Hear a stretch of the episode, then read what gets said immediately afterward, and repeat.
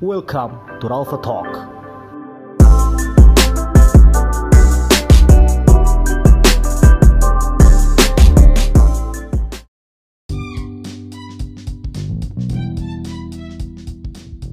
Halo semuanya, selamat datang di Ralpha Talk. Apa kabar kalian? Semoga sehat selalu ya dan dimudahkan hari-hari kalian dan selalu menjadi hari yang menyenangkan. Amin. Di sini bersama gua Ralfatan, tapi gua udah bilang panggil gua aja Rio. Dan gua bakal nemenin kalian saat ini. Seperti yang pernah gue bilang di pembukaan podcast gua, gue bakal berbagi cerita dan pengalaman sebagai anak kos. Yang kebetulan gue juga perantau dan gue nggak nggak nggak punya saudara gue di tempat di mana gue kuliah ini di tempat gue ngekos ini. Gue cuma sendiri dan gue perantau. Ya mungkin dari kalian beberapa bakal ada yang kepo atau mungkin dari beberapa kalian ada yang sama kayak gue kehidupannya. Sebagai anak kos yang merantau dan cuma sendiri. Mungkin orang yang gak ngekos nggak tahu gimana struggle-nya anak-anak kos ketika akhir bulan ketika di perkuliahan gimana kehidupan di sekitar kos-kosan di sekitar kampus atau bahkan makanan andalan pejuang kos-kosan dan di sini gue bakal ceritain semuanya di cengek cerita ngekos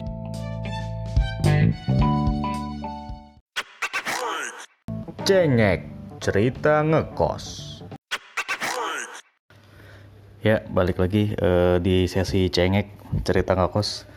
Uh, tapi uh, sebelumnya nih ya, uh, gue mau berterima kasih dulu nih sama Bang Marco Randi. Uh, apa ya? Buat yang gak tau Marco Randi itu siapa, uh, dia itu adalah kakak kakak dari Marlo Ernesto nggak tahu juga Marlo Ernesto Ernesto siapa ya ampun masa muda kalian cukup suram ya Marlo Ernesto itu uh, apa ya bisa dibilang apa gue juga nggak tahu sebutannya sih tapi dia pernah bikin video-video lucu gitu yang namanya Vine tau nggak Vine? Jadi biasa diposting di Indofitgram segala macam nah itu namanya Vine. Jadi kayak video-video lucu sketsa-sketsa pendek gitu. Itu namanya Vine. Cuma uh, sekarang sudah nggak nggak famous ya udah nggak booming dan bahkan udah nggak ada di Indonesia. Mungkin di negara lain masih ada cuma di Indonesia udah nggak ada sih.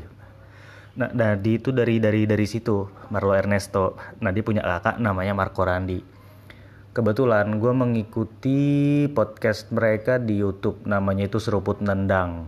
Ya cukup menghibur konten mereka cukup menghibur. Obrolan mereka juga cukup menghibur lucu apalagi mereka adik kakak ya kompak gitu. Kelihatan kayak sahabat.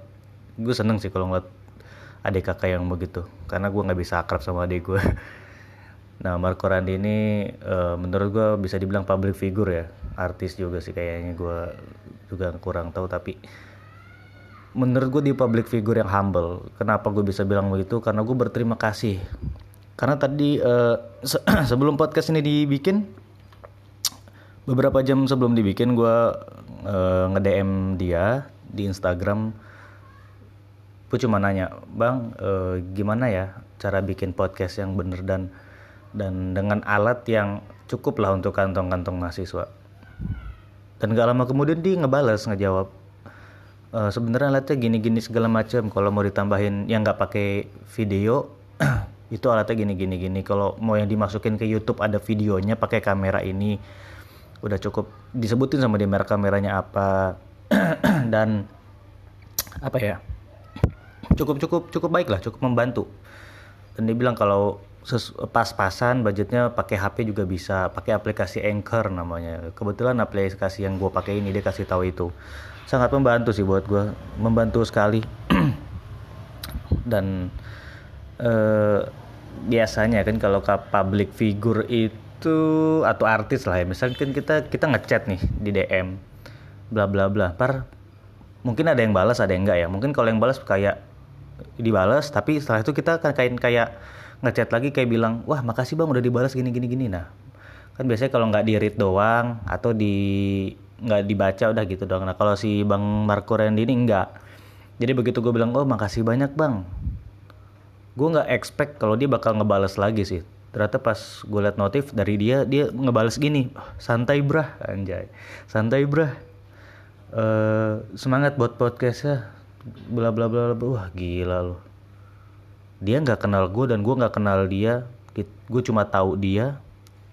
Tapi sebaik itu loh orang yang apa ya menurut gue itu sih orang yang kita butuhin di lingkungan kita tuh kayak gitu.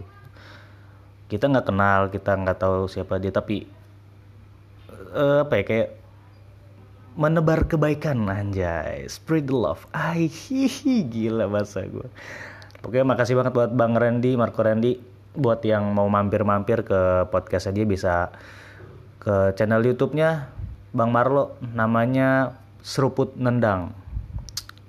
Dia udah masuk season 2 sih sekarang episode 1 oke ditonton aja oke? Oke eh, kita masuk ke cengek tapi gue masih ini sih mau bahas yang di luar topik dulu gak apa-apa kali ya kita uh, gue saling kita saling mengingatkan aja oke? Kita saling mengingatkan karena di sini gue mau uh, saya kasih info karena apa ya uh, ini kan masih pandemi ya masih pandemi corona ini masih banyak hmm, apa banyak apa? Ya kagak tahu banyak ini kali yang ngenain orang. Apa bahasanya sih aduh menu menular enggak dong menular mengenai enggak hmm, mengincar orang-orang di sekitar yang keluar rumah. Anjay nggak gitu sih bener. Ah tau lah apalah pokoknya itu. Saling mengingatkan aja kalau gue mau bilang e, untuk tetap selalu di rumah di rumah aja jangan ke mana-mana. Kalau memang tidak ada urusan yang penting dan tidak ada urusan yang urgent jadi eh mending di rumah aja. Mau ketemu teman atau apa pun itu semua teknologi udah canggih bisa lewat HP uh, lewat aplikasi video call apa segala macam curhat-curhat kumpul-kumpul bahkan bisa lewat aplikasi sosmed ya kan. Jadi ya jaga kesehatan aja di rumah aja. Kecuali memang ada urusan yang benar-benar penting harus keluar rumah silakan. Tapi ya jalankanlah protokol kesehatan. Pakai masker bawa dan pakai hand sanitizer uh, dan tetap jaga jarak lah tetap jaga jarak. Karena kita nggak tahu siapa yang tertular dan siapa yang sakit di luar sana. Kita nggak bisa percaya siapa pun. Intinya kita jaga jaga kesehatan diri sendiri. Oke? Okay? karena uh, apa ya? Gue cukup prihatin karena saat uh, saat apa ya? Gue tapping saat gue membuat podcast ini. Hari ini per tanggal 29 September 2020 gue melihat data bahwa di Indonesia korbannya sudah mencapai 282.724 orang positif corona. Gila kan? 282.724. Hampir 300 ribu coy. Udah kayak uang jajan gue seminggu. Nggak canda-canda-canda ya ilah. Uh, 282.724 orang positif. Lu bakal expect gak sih orangnya bakal sebanyak ini gitu loh. Maksud gue uh, dari awal ada ada wabah corona ini apa lu pernah berpikir ah paling sebentar aja wabahnya apa gimana? Ternyata sampai udah mau setahun loh nggak kerasa kan udah mau setahun ternyata hampir 300 ribu orang positif dan gue dapat datanya 10.600 orang meninggal dunia.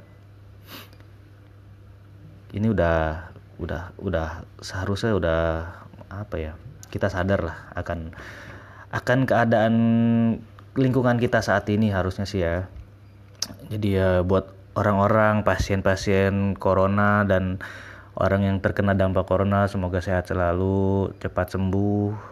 Mudah-mudahan bisa beraktivitas kembali dengan normal dan sehat. Amin.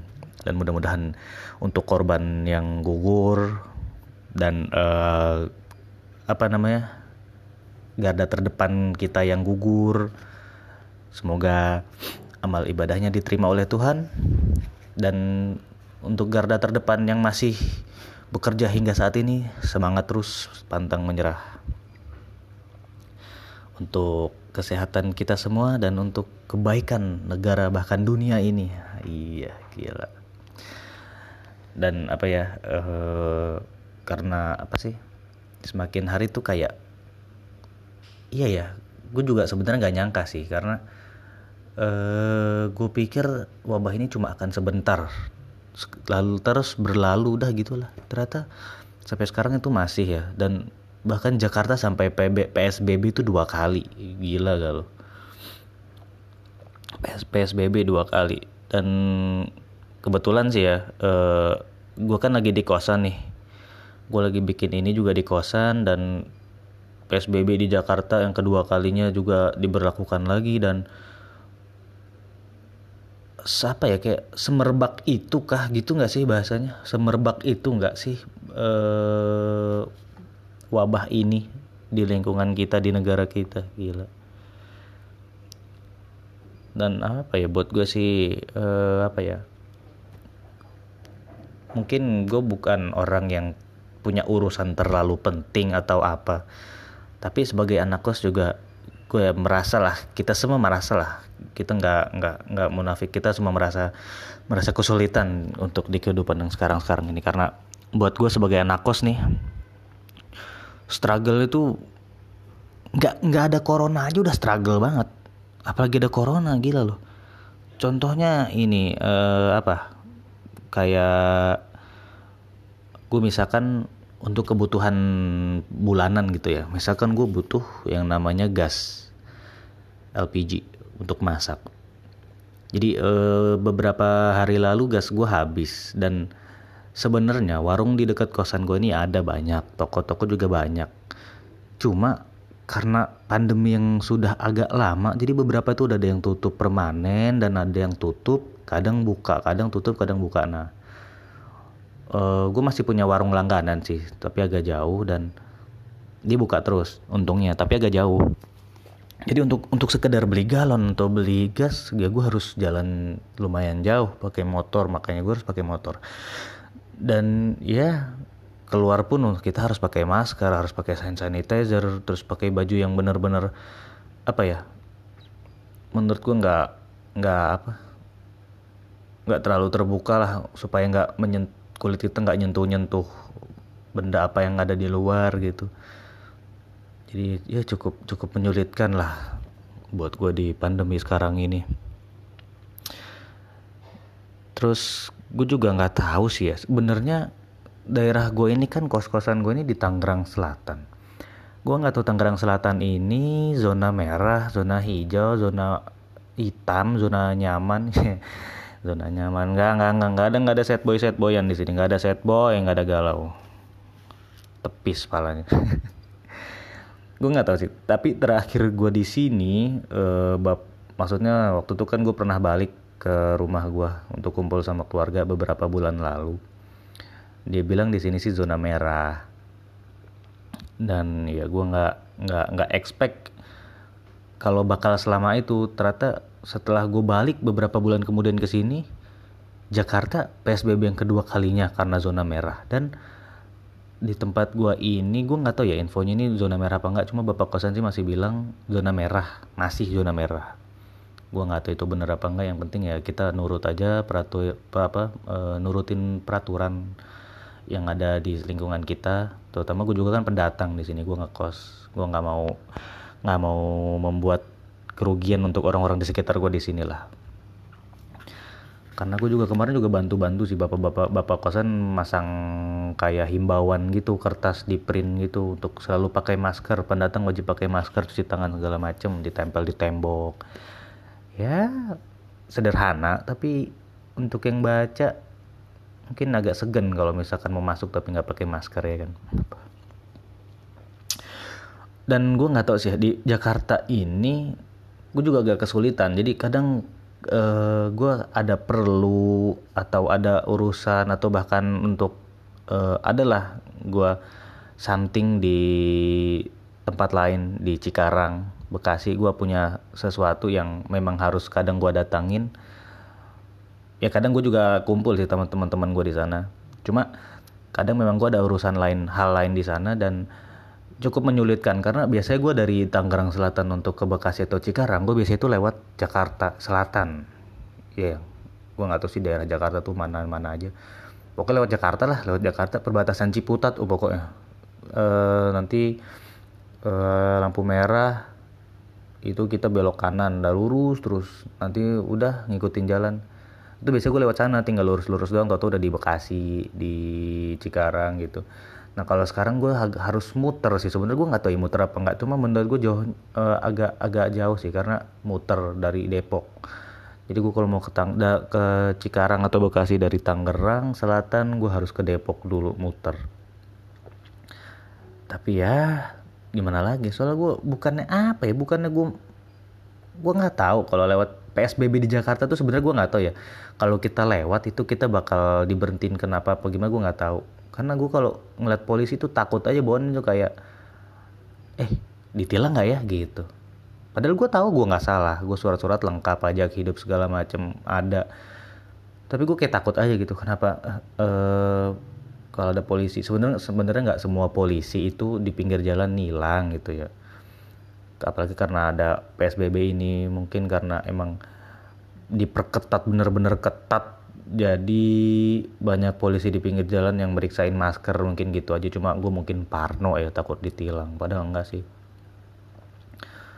Karena ya apa ya gue semua ada kok spion ada knalpot juga ya ada lah. Masa masa nggak ada knalpot? Ada sih kadang gue pakai yang racing kadang pakai yang knalpot standar. Terus uh, helm juga gue selalu pakai kelengkapan riding juga gue selalu pakai sarung tangan dari glove celana pak jaket helm terus buff uh, masker juga gue bawa dua masker. Jadi ya semua ada. Yang gue nggak ada tuh cuma pacar. Nggak ah dibilang nggak ada set boy set boy di sini. Yo Head. sorry sorry ya. Uh, balik lagi. Intinya uh, jaga kesehatan aja sih. Jaga kesehatan patuhi protokol kesehatan jaga uh, patuhi peraturan yang ada. Dan ya kayak nggak bisa dibilang jalanin atau nikmatin hidup aja yang sekarang ini sih karena ini kayak ujian aja sih buat kita semua untuk lebih berhati-hati dan lebih bersih mungkin dalam kehidupan kita yang ini ya Oke, okay, eh, kita balik lagi sebagai ini ya. Gue mau cerita tentang anak kosan kan. Jadi eh, sebenarnya apa? Kalau misalkan ada yang nanya, gimana sih struggle anak kos kosan gitu? Sebenarnya gue nggak tahu persis ya struggle anak kos kosan kos kosan tuh kayak gimana.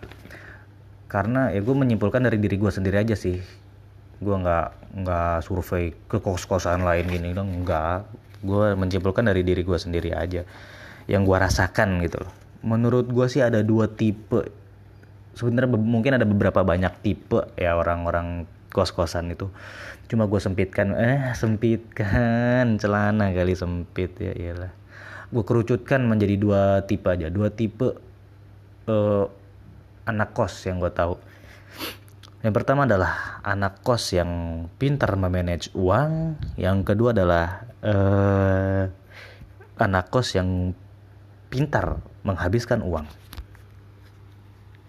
Maksudnya gimana? Oke, gini. Gue adalah orang yang dari kedua tipe tersebut. Gimana maksudnya? Jadi begini. Sebelum gue ngekos, sebelum gue kuliah, uh, itu gue selalu tinggal sama orang tua. Dan orang tua gue yang selalu mengatur keuangan apa segala macam emang gue dapat kadang bulanan gue mingguan kadang gue dapat cuma kan ya tetap aja masih orang tua yang ngatur ya kan uang kita habis juga kita masih bisa makan di rumah karena orang tua kita masak gitu orang tua gue masak tapi kan selama ngekos ini dan pertama kali gue ngekos gue milih ngekos untuk kuliah gue kebetulan di perantauan dan gak ada teman gak ada saudara. Jadi gue milih ngekos dan gue mikir anjir apa ya yang gue butuhin? Basic aja dulu yang gue butuhin untuk kebutuhan hidup gue ya gue butuh kompor gue butuh gas. Pertama yang gue cari tuh kasur. Bukan kasur ini waktu pertama kali tuh gue nyari tuh yang namanya apa gue nggak tahu namanya sih tapi orang sini bilang itu kasur Palembang. Tapi bentuknya kayak tiker gini nggak tahu dah dari Palembang bener apa enggak gue belinya di pasar kemis sih. Tahu dah. Oke ya gue uh, itu yang gue cari sih untuk tidur. Gue cari tiker ini kasur Palembang ini. Terus gas kompor dispenser. Bukan dispenser kayak uh, tau gak sih galon anak kos kosan yang kalau mau minum harus dipencet dulu atasnya gitu. Cot cot cot. Nah gitu tuh. Terus ya itulah yang gue butuhin untuk pertama kali gue ngekos. Di luar ini ya di luar di luar kebutuhan perkuliahan ya kayak buku atau segala macam itu sih memang wajib. Tapi kalau yang ini kan untuk kebutuhan hidupnya. Jadi kalau kalau ya apa ya so, untungnya sih gue bisa masak. Jadi kalau memang lagi malas keluar atau nggak perlu perlu makan di luar ya gue bisa masak sendiri. Udah lama sih gue bisa masak dan cukup terlatih kebetulan yang sering gue masak kalau nggak telur dadar telur goreng ya mie. Cukup terlatih kan? Loh mie itu banyak loh. Mie rendang mie soto mie gado mie gado lagi mie rica-rica mie segala macem. Itu gue bisa anjir bikinnya. Karena gue terlatih. Iya lah orang tinggal ngerebus bumbunya udah ada ngoblok sorry sorry sorry. Oke balik lagi. Eh jadi itu dulu gue yang gue butuhin. Tapi itu kan eh, apa ya memang yang memang yang harus dibeli gitu loh. Dan gue awalnya adalah waktu gue ngekos adalah gue anak orang orang yang tidak pandai mengatur dan memanage uang. Gue pintar menghabiskan uang. Kenapa? Karena gue jarang beli barang. Beli barang ini tuh gue segala maksudnya yang di luar perkuliahan ya. Kayak gue mau beli untuk dandanan apa udah bukan dandanan sih aksesoris lah misalkan. Gue mau beli misalkan gue mau beli ini ini ini ini, ini. enggak gue jarang. Uang gue tuh dulu sering boros karena jajanan. Barang bukan barang bukan barang. Gue jarang-jarang beli barang tapi gue sering jajan gitu. Kayak percaya nggak lo gue sehari dua hari tuh bisa habis 200 ribu. Padahal sehari cuma makan dua kali makanan nasi makan nasi gitu gitu sisa itu jajan. Jadi kadang es buah. Gue es buah tuh kalau beli tuh nggak satu. Jadi sehari gue bisa beli dua kadang tiga. Saking apa ya? Saking uh, ediknya nggak tuh buat gue sih es buah tuh edik banget gitu buat gue. Terlalu enak untuk dikunyah dan ditelan. Hmm. es buah tuh.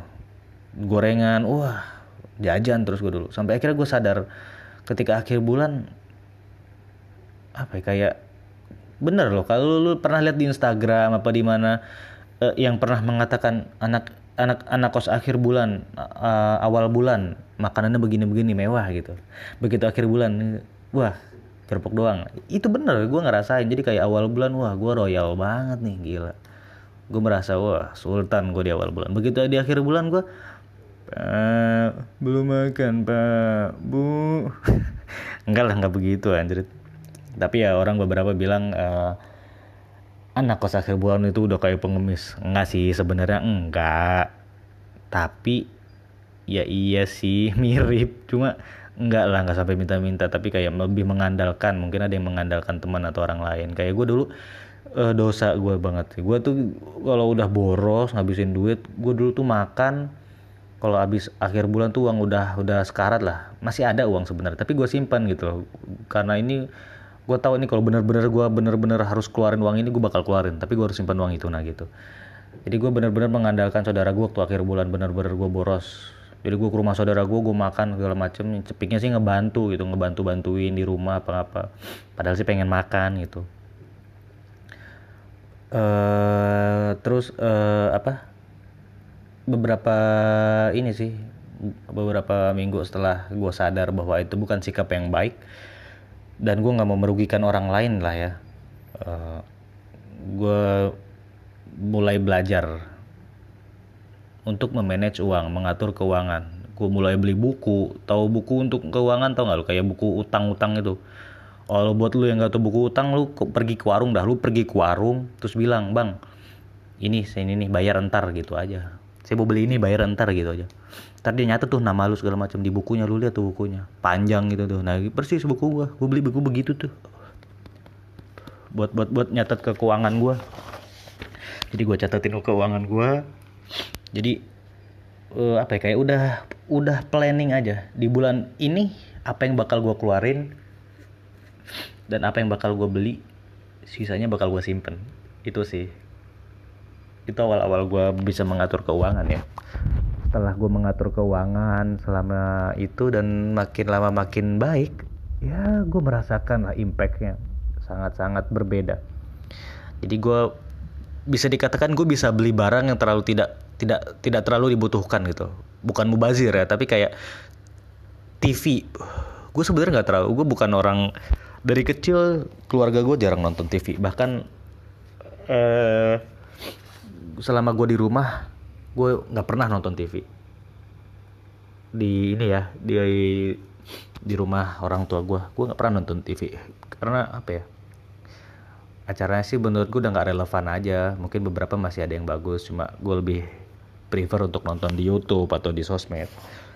Jadi ya gue beli TV cuma sekedar untuk menghias aja sih menghias kamar gue dan gue beli PS oh ya memang nggak terlalu penting buat gue karena gue nggak nggak nonton TV dan gue nggak main PS jadi cuma untuk ngehias kamar kosan aja.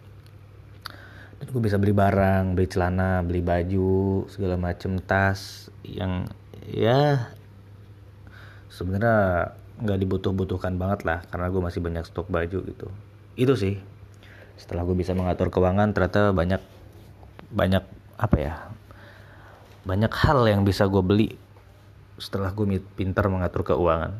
Tanpa ini ya tapi barangnya gak usah banyak-banyak belinya. Misalkan lu udah pinter ngatur keuangan terus beli baju 100 ribu. Iya lu beli baju satu doang 100 ribu. Minggu depan beli lagi 100 100 ya habis juga duit tuh nggak gitu dong. Ya itu sih kalau struggle-nya ya untuk masalah keuangan. Akhir bulan mahasiswa akhir bulan antara yang pintar memanage uang dan yang pintar menghabiskan uang. Menurut gue sih itu. Alhamdulillah gue sudah tidak tidak berada di tipe yang pintar menghabiskan uang. Menurut gue ya gue sudah bisa mengatur keuangan meskipun bukan pencapaian yang besar ya tapi cukup bisa dibanggakan lah untuk diri gue sendiri. Terus yang selanjutnya makanan anak kos-kosan. Ya lu tau lah makanan anak-anak kos-kosan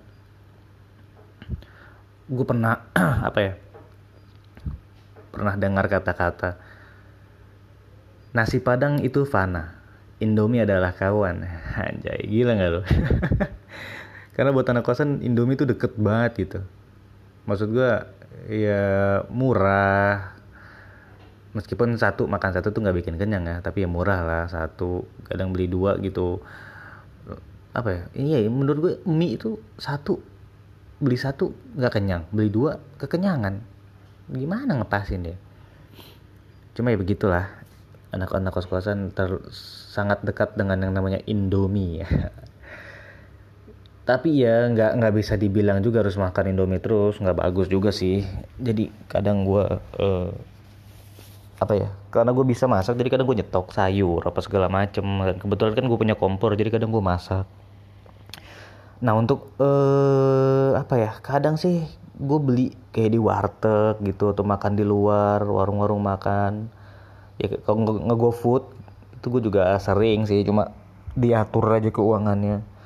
Butuhnya apa, makannya apa. Intinya yang sehat-sehat aja lah. Dan tapi sebenarnya eh, gini ya. Gua adalah orang sebenarnya gue ini orang yang menjaga badan gitu loh. Maksud gue gue nge-gym gue workout push up segala macem angkat beban segala macem.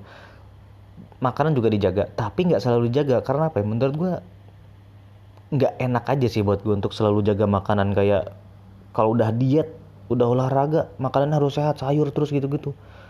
Gue sih enggak ya gue nggak mau. Karena gue pengen merasakan makanan yang menurut gue memang harus dicoba kalau misalkan ada martabak ya gue beli martabak. Ya meskipun belinya sekali aja ya beli sekali aja nggak usah seminggu tujuh kali beli. Ya enggak dong. Itu loh makan coklat sama kacang tiap hari. Batuk batuk lo Enggak dong gue nggak nggak menyarankan untuk begitu. Tapi ya sekali sekali boleh lah beli jajanan yang ya nggak sehat itu nggak harus selalu mengorbankan yang namanya kenikmatan anjay. Makanan itu banyak yang nikmat dan harus dicobain loh jadi biar biarpun gue berolahraga ya kadang makanan gue kadang gue beli ketoprak gue beli bakso gue beli martabak segala macam. Tapi diatur. Gue mau seminggu dua kali itu seminggu sekali gitu. Jadi sisanya paling gue kalau pagi tuh oatmeal siang sayur kadang brokoli sih. Gue bikin brokoli gue rebus gitu atau enggak gue tumis brokoli sama ayam kadang brokoli doang. Nanti sore kalau nggak brokoli lagi paling nasi nasi goreng atau ya beli lauk. Buat gue sih itu kalau makanan gue sehari-hari ya. Kalau yang lain sih gue kurang kurang kurang tahu. Kalau gue sih seperti itu. Jadi semua sudah diatur semua sudah ada. Apalagi sudah ada kompor bisa masak sendiri. Itu sih enaknya kalau kita udah siap dari awal dan udah ngatur ngatur semuanya gitu loh terus uh, apa ya? Gimana sih kehidupan anak kos selama pandemi ini? Nah gini. Sebenarnya ya kehidupan buat gue pribadi nih ya gue nggak tahu kayak yang lain. Kalau buat gue pribadi kehidupan kehidupan gue selama ngekos di pandemi saat ini bisa dibilang berubah lah ya. Berubah dalam artian kebiasaan gue jadi kayak misalkan kita mau ke kampus atau mau keluar segala macam ya kita tinggal dandan aja pakai baju nyisir segala macam keluar cabut udah. Kalau sekarang kan kita harus wah harus bersih dulu nih kita mau keluar. Pakai hand sanitizer pakai masker. Bawa masker lagi bawa cadangan bawa hand sanitizer di tas wah. Karena memang protokol kesehatannya memang mengatakan seperti itu ya kan jadi kita harus ikutin. Itu yang cukup berubah sih kalau dari dari gua yang pertama. Nah yang kedua uh, untuk kehidupan selama gua ngekos di pandemi ini kayak apa ya gue jadi lebih banyak di kosan sih. Apa apa gue di kosan. Gue juga nugas di kosan. Terus having fun juga di kosan. Cuma sebenarnya gue bukan orang yang seperti itu. Gue bukan tipe atau tipikal orang yang seperti itu gue bukan tipe orang atau tipikal orang yang seperti apa apa harus di satu tempat dan betah. Enggak gue nggak betah. Gue adalah orang yang suka jalan-jalan berpindah dari satu tempat ke tempat lain. Anjay nomaden apa ya mungkin karena dari dulu dari kecil orang tua gue sampai sekarang gue juga anak-anaknya ngikut ke mana-mana pindah mana-mana pindah. Jadi nomaden jadi kayak ke bawah aja gitu di kosan. Jadi gue nggak betah di kosan tuh diem aja atau main hp ngegame ngobrol di kosan doang nonton itu gue nggak betah. Jadi kadang gue di kosan kan di Tangerang Selatan. Sebelum pandemi itu wah ke Bogor gue ke puncak Warpat sendiri. Nanti cuma sekedar ngopi makan mie balik. Kadang gue mau basketan aja gue harus main dulu ke tempat teman-teman gue di Cikarang. Karena apa ya di sini gue nggak nggak nggak punya temen yang satu hobi. Jadi kayak gue suka basket. Di sini nggak ada yang suka basket. Meskipun lapangannya ada tapi nggak ada yang suka basket. Akhirnya gue bersama tim gue dan teman-teman gue ya harus mau nggak mau karena cuma gue yang ada di luar tempat mereka akhirnya gue yang harus ke sana. Gue dari Tangerang Selatan gue ke Cikarang.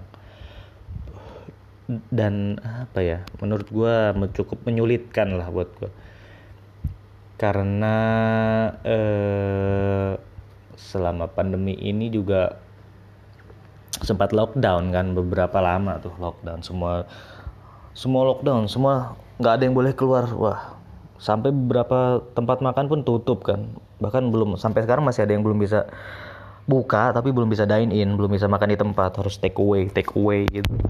Itu cukup menyulitkan sih karena kita nggak bisa merasakan makan di tempat karena gue bukan orang yang betah di satu tempat. Gue butuh tempat lain untuk berekspresi mengekspresikan hari-hari gue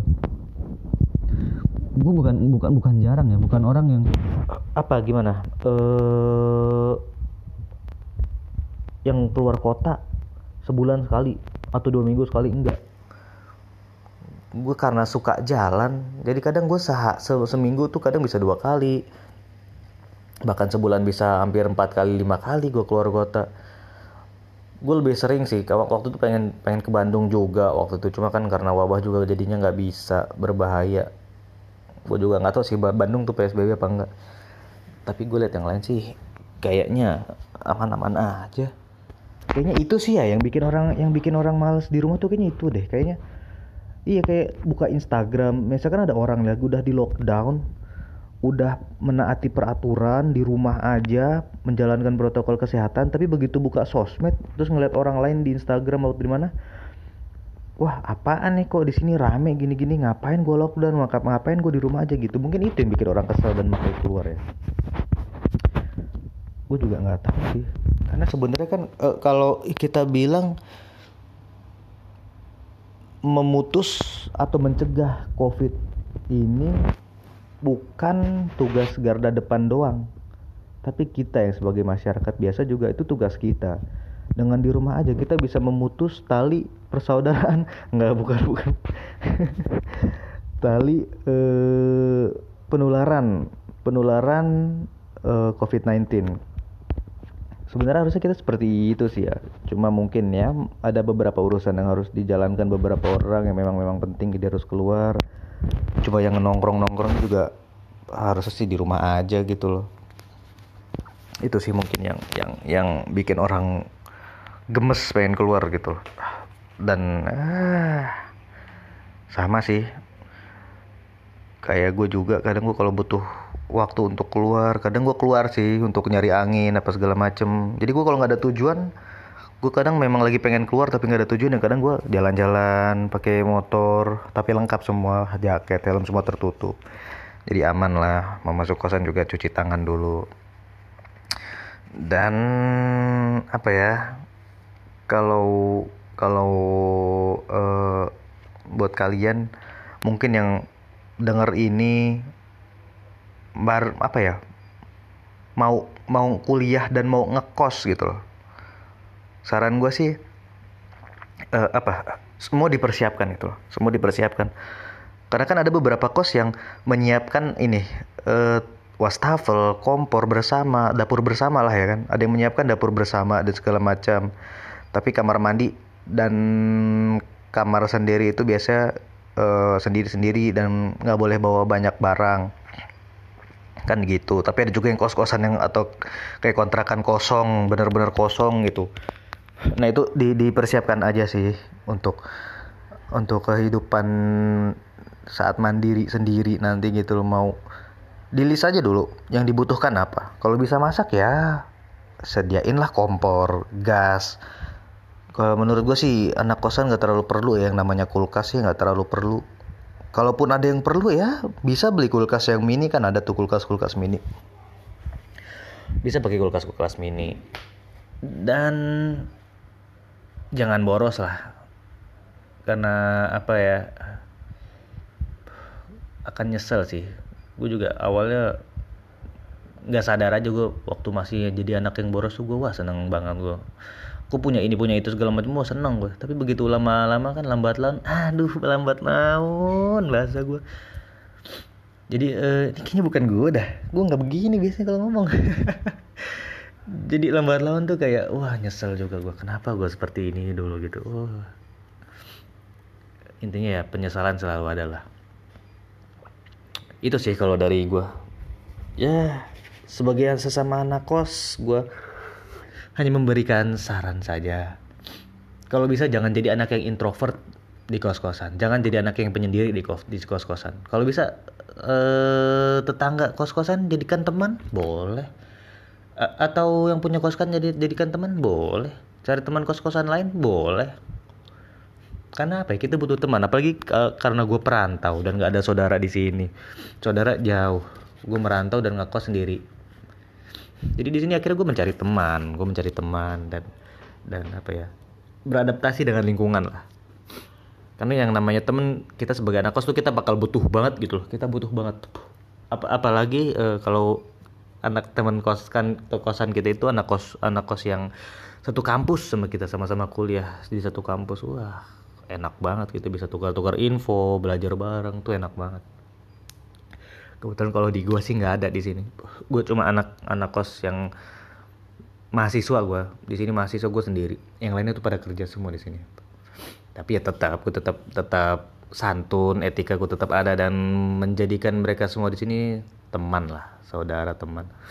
Karena pertama kali gue pindah ke sini yang benar-benar gue tunjukin adalah etika.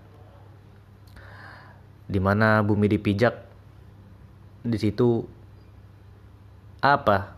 Nggak tahu gue sosokan lagi ngomong-ngomong begitu. Aduh yo yo. Pokoknya di mana pun kita di tempat baru apa di mana tunjukinlah etika kita gitu menjadi orang yang lebih baik anjay eh jadi waktu gue pertama pindah ke sini tuh gue apa ya ya saya saya hai lah sama orang-orang yang ada di sini. Terus ya kalau lagi ada yang lewat sapa ngobrol akhirnya lama-lama kan kenal.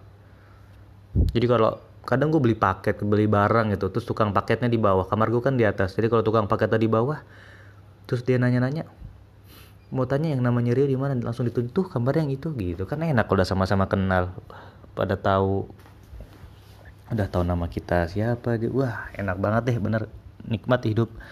Sebenarnya kalau orang bilang anak kos-kosan tuh susah sengsara gini gini gini. Enggak.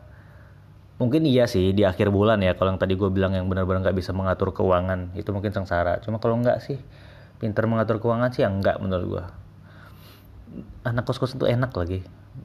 Bebas Eh, enggak maksudnya bukan bebas yang begitu. Maksudnya ya lu mau eh, apalah makan di jam berapa nggak diatur atur itu enak. Mau belajar di mana enak gitu. Itu maksud gue oke? Buat gue dari gue sih itu aja kali ya untuk untuk ngobrol-ngobrol kita hari ini. Intinya sih tetap jaga kesehatan jalankan protokol kesehatan pakai masker gunakan hand hand sanitizer. Pakai hand sanitizer ke mana pun bawa karena ukurannya kan nggak besar-besar banget. Bisa taruh kantong bisa taruh tas bagasi motor taruh di mobil. Semua bisa lah bawa hand sanitizer. Dan nggak nggak langka lah kayak dulu lah. Awal-awal pandemi kan semua buyback apa buyback lagi. Panik buying orang kan pada eh, apa namanya ngeborong gitu gitu. Sekarang mah udah enggak lah udah banyak kok di mini minimarket juga udah banyak yang jual masker sama hand sanitizer. Belilah. Nggak apa-apa. Anak kos beli-beli yang kayak gituan untuk kesehatan. Bagus kok. Berguna itu berguna. Oke, cerita dan ngobrol-ngobrol hari ini segitu dulu. Kita lanjut nanti di episode 2 mungkin kita bahas-bahas yang topik yang lebih menarik lagi. Eh, terima kasih buat yang udah dengerin podcast gue. Gue sangat sangat apa ya? Masih agak nervous sih gue karena ini mungkin masih podcast pertama gue ya. Bahkan gue sampai bikin skrip yang acak adul di sini. Skrip gue acak adul dan beberapa kalimat-kalimat dan apa ya? kata-kata yang gue keluarkan tuh nggak ada yang di sini jadi gue kayak nervous aja akhirnya gue keluarkan ya apa apa lah namanya juga newbie ya kan. Ajarin dong bang jago kan gitu kalau kata oke buat kalian eh, sehat-sehat terus jaga kesehatan semoga umurnya dipanjangkan dimurahkan rezekinya segala urusan hidupnya dipermudah. Amin ya robbal alamin. Thank you udah dengerin. Gua Ralfatan pamit. Thank you semuanya. Dengerin podcast ini terus, bosan boleh, berhenti jangan.